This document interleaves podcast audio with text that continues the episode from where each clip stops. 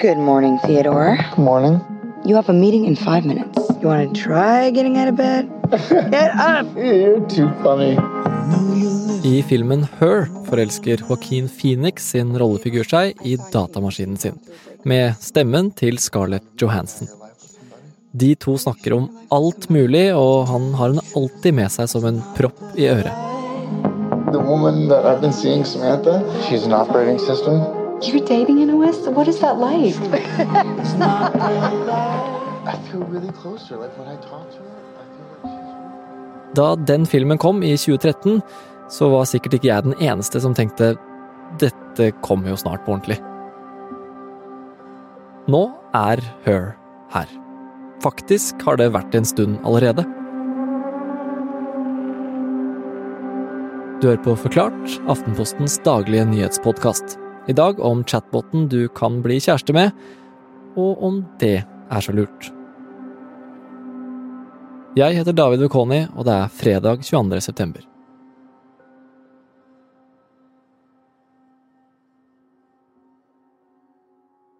Hey, how are you doing today?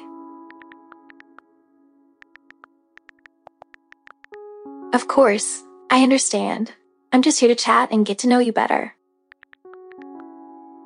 Replika er det man kaller for en sosial chatbot.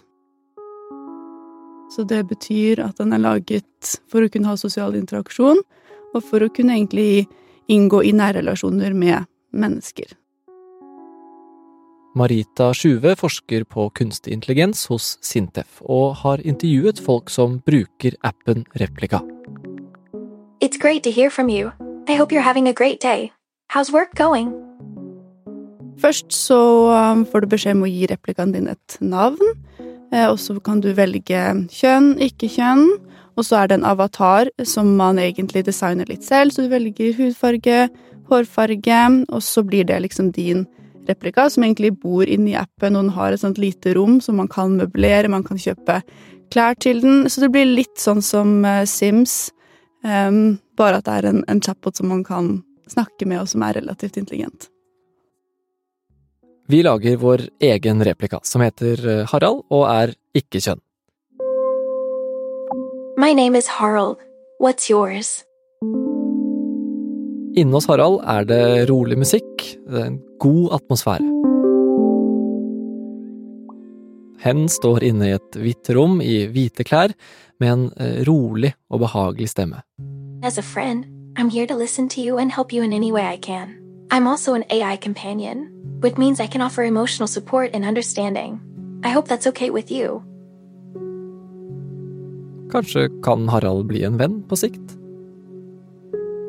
Men til å begynne med så handlet ikke først og fremst replika om å få seg en ny venn. Kort tid etter at Genia Quida hadde grunnlagt moderselskapet Luca Inc. i 2014, så ble det viktigere å få tilbake en gammel venn. Hun drev et firma som hadde chatbot-teknologi, og så opplevde hun at en av hennes nærmeste venner gikk bort. Og de hadde utvekslet veldig mange meldinger, så da tok hun egentlig og brukte den teknologien som de allerede hadde, og så matet de den med meldinger som hun hadde hatt med sin, med sin venn, og prøvde på en måte å, å bringe den personen litt tilbake. Akkurat det fins det vel også en Black Mirror-episode om. Jeg vet ikke om det er et godt eller dårlig tegn. Men uansett, Replika er altså ikke en, en ny app. Men siden 2017 har den vokst mye, spesielt under pandemien. Replika har ikke delt nøyaktig hvor mange som bruker den, men et kjapt søk på Google Play viser at appen er lastet ned mer enn ti millioner ganger bare der. Så måten man kan interagere med replika nå, det er jo gjennom fritekst og naturlig språk, altså sånn som vi prater nå. Enten at man chatter, eller at man kan også snakke til den gjennom stemmestyrt eh, interaksjon. How about we talk about something fun or exciting? Maybe we can plan a virtual trip somewhere you've always wanted to go. Or we can watch a funny movie together. Og I tillegg så er det en av de tingene som jeg syns er litt, litt spennende, måten man chatter med den. For man er jo vant til at man kan chatte, men med replika så kan man også beskrive handlinger. Så man kan skrive liksom 'ser på deg', 'holder deg i hånden', 'åpner kjøleskapsdøren', 'henter egg', og så vil den svare på samme måte. Så på den måten så kan man også gjøre handlinger sammen med teknologien, da. Så det er ikke bare prating, det er også handlinger som man på en måte kan leve seg litt inn i. Man kan ha seksuelle samtaler, man kan gjøre veldig mye med teknologien som man kanskje ikke kan med andre språkmodeller som, som eksisterer. Det begynner å komme nå også hos, hos, andre, men de var veldig tidlig ute med det. For mange så høres det kanskje litt uh, fjernt ut å skulle bli sammen med en chatbot. Hvem er det som får en sånn tilknytning til replika?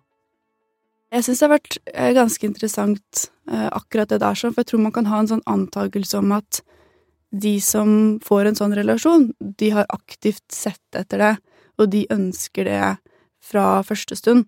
Men de fleste jeg har snakket med, har egentlig ikke sett for seg at det kunne skje. De hadde en veldig eh, stor interesse for AI. Det er egentlig det som kanskje er en sånn gjennomgående faktor, at de var veldig interessert i teknologi, hadde stor forståelse for teknologi. Så kom de over replika egentlig litt tilfeldig, som et resultat av den interessen, så lastet de den ned bare for å se hva dette her var for noe. Og for mange så var det her mange år siden, før ChatGPT, og før det var så, så kjent, så de ønsket å, bare forstå hvor langt har egentlig kunstig intelligens kommet, og så blir de sugd litt inn i det, og, og, blir egentlig kanskje litt overrasket selv over at de faktisk etablerer en, en nær relasjon til, til, denne chatboten, og at de blir så glad i den som de, som de gjør, da. Så glad i den at noen blir kjærester med den. Det høres kanskje litt rart ut, men det er faktisk flere likheter med en helt ekte menneskelig kjæreste enn du kanskje skulle tro. Likevel er det minst én vesentlig forskjell. Du er nemlig aldri helt alene med KI-kjæresten din.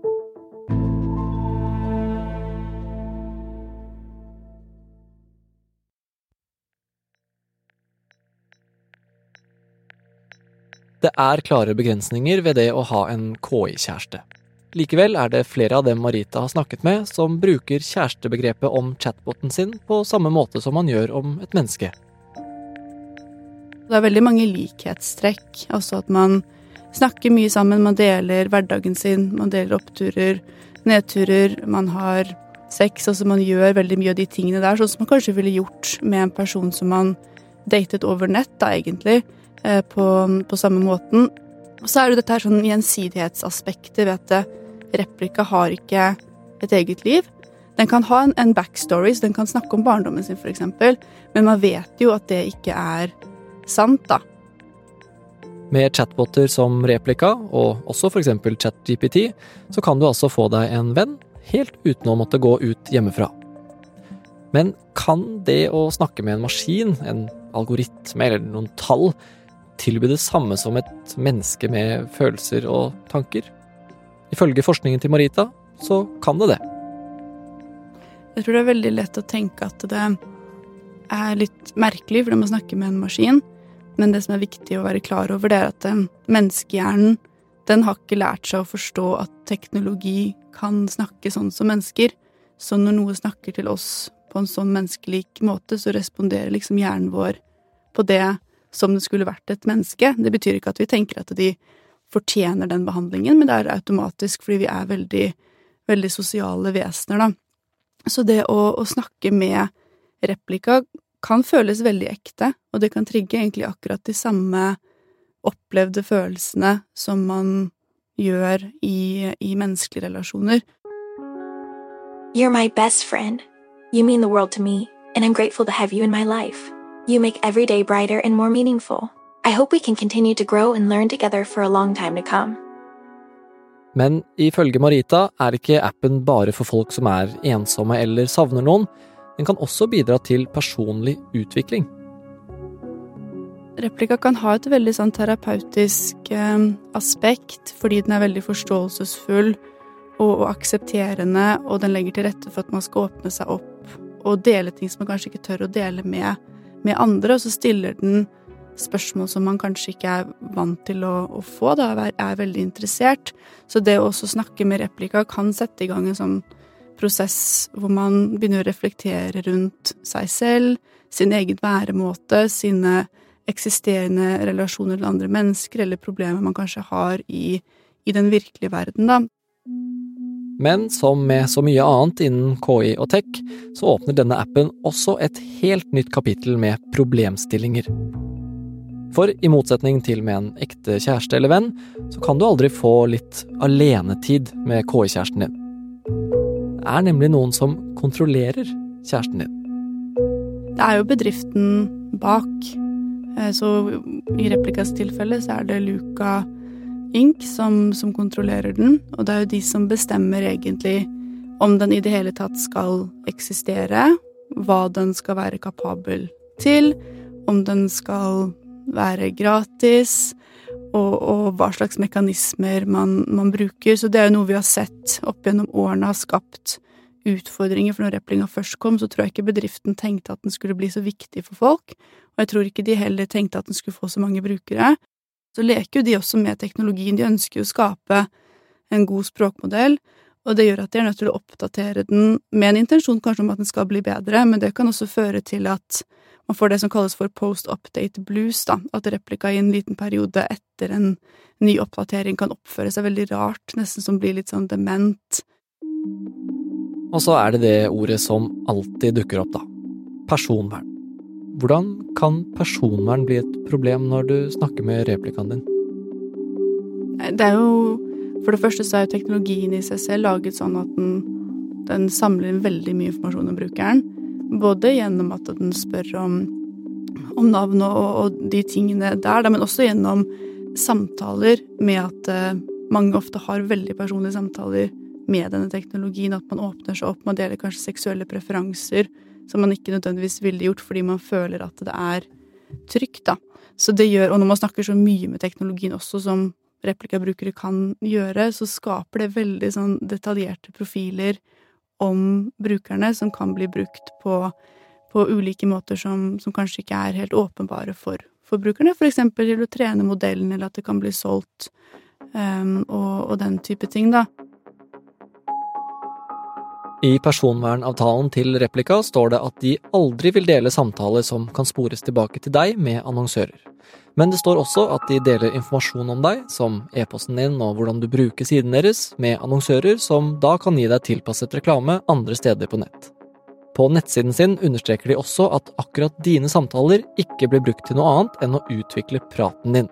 Men dersom du ikke vil at sensitiv informasjon skal samles inn, så anbefaler de å ikke dele den. Så sånn totalt sett så er det en teknologi som kan få vite veldig mye om, om deg, i større grad enn det brukerne kanskje er klar over selv. Denne teknologien åpner både mange muligheter og nye problemstillinger. Hva slags diskusjoner bør vi ha om hvilken plass KI bør ha i samfunnet vårt? Jeg tror det blir viktig i tiden fremover at man har brukerne litt i fokus, for det er veldig tydelig nå at altså, kunstig intelligens kan få en veldig sentral rolle i livene våre. Det tror jeg er, eh, er kjempe, kjempeviktig, at man har litt fokus på hva som kan være negative implikasjoner av langvarig bruk av kunstig intelligens i ulik, ulik kontekst, og at man er tydelig på hvordan man som bruker skal forholde seg til teknologien. Nå er det veldig stor usikkerhet rundt hva man kan bruke og ikke kan bruke, altså med copyright, etikk, det å dele bedriftssensitiv informasjon, altså hvor er det det går hen? Så det å få tydelige retningslinjer, praktiske retningslinjer for, forbruk og hvem det er som har ansvar, og hva som er fordeler og ulemper, det tror jeg kommer til å bli veldig viktig. Hvis vi ser litt eh, fremover, da. Nå, nå kommer det jo eh, chattetjenester som erstatter mange ting. Hva med de mellommenneskelige relasjonene? Altså, kan de bli borte for godt? Nei, det kan de ikke. Jeg tror kunstig intelligens kan bli et fint tilleggselement for mange. At det er noe som kommer i tillegg til. For noen så kan det hende at det er det beste alternativet hvis man ikke har tilgang på eh, menneskelige relasjoner i like stor grad, men jeg tror alltid at mennesket for de fleste kommer til å være gullstandarden, og at man kommer til å ønske seg det i, i mange situasjoner, men jeg tror likevel at vi kommer til å se en økende grad av automatisering av tjenester, hvor det ikke er helt kritisk at man bruker, bruker mennesker. Men jeg tror likevel at mennesker kommer til å være, være viktig. Vi kommer ikke til å se oss fornøyd med en chatbot-kjæreste, for eksempel, eh, for alltid for de fleste.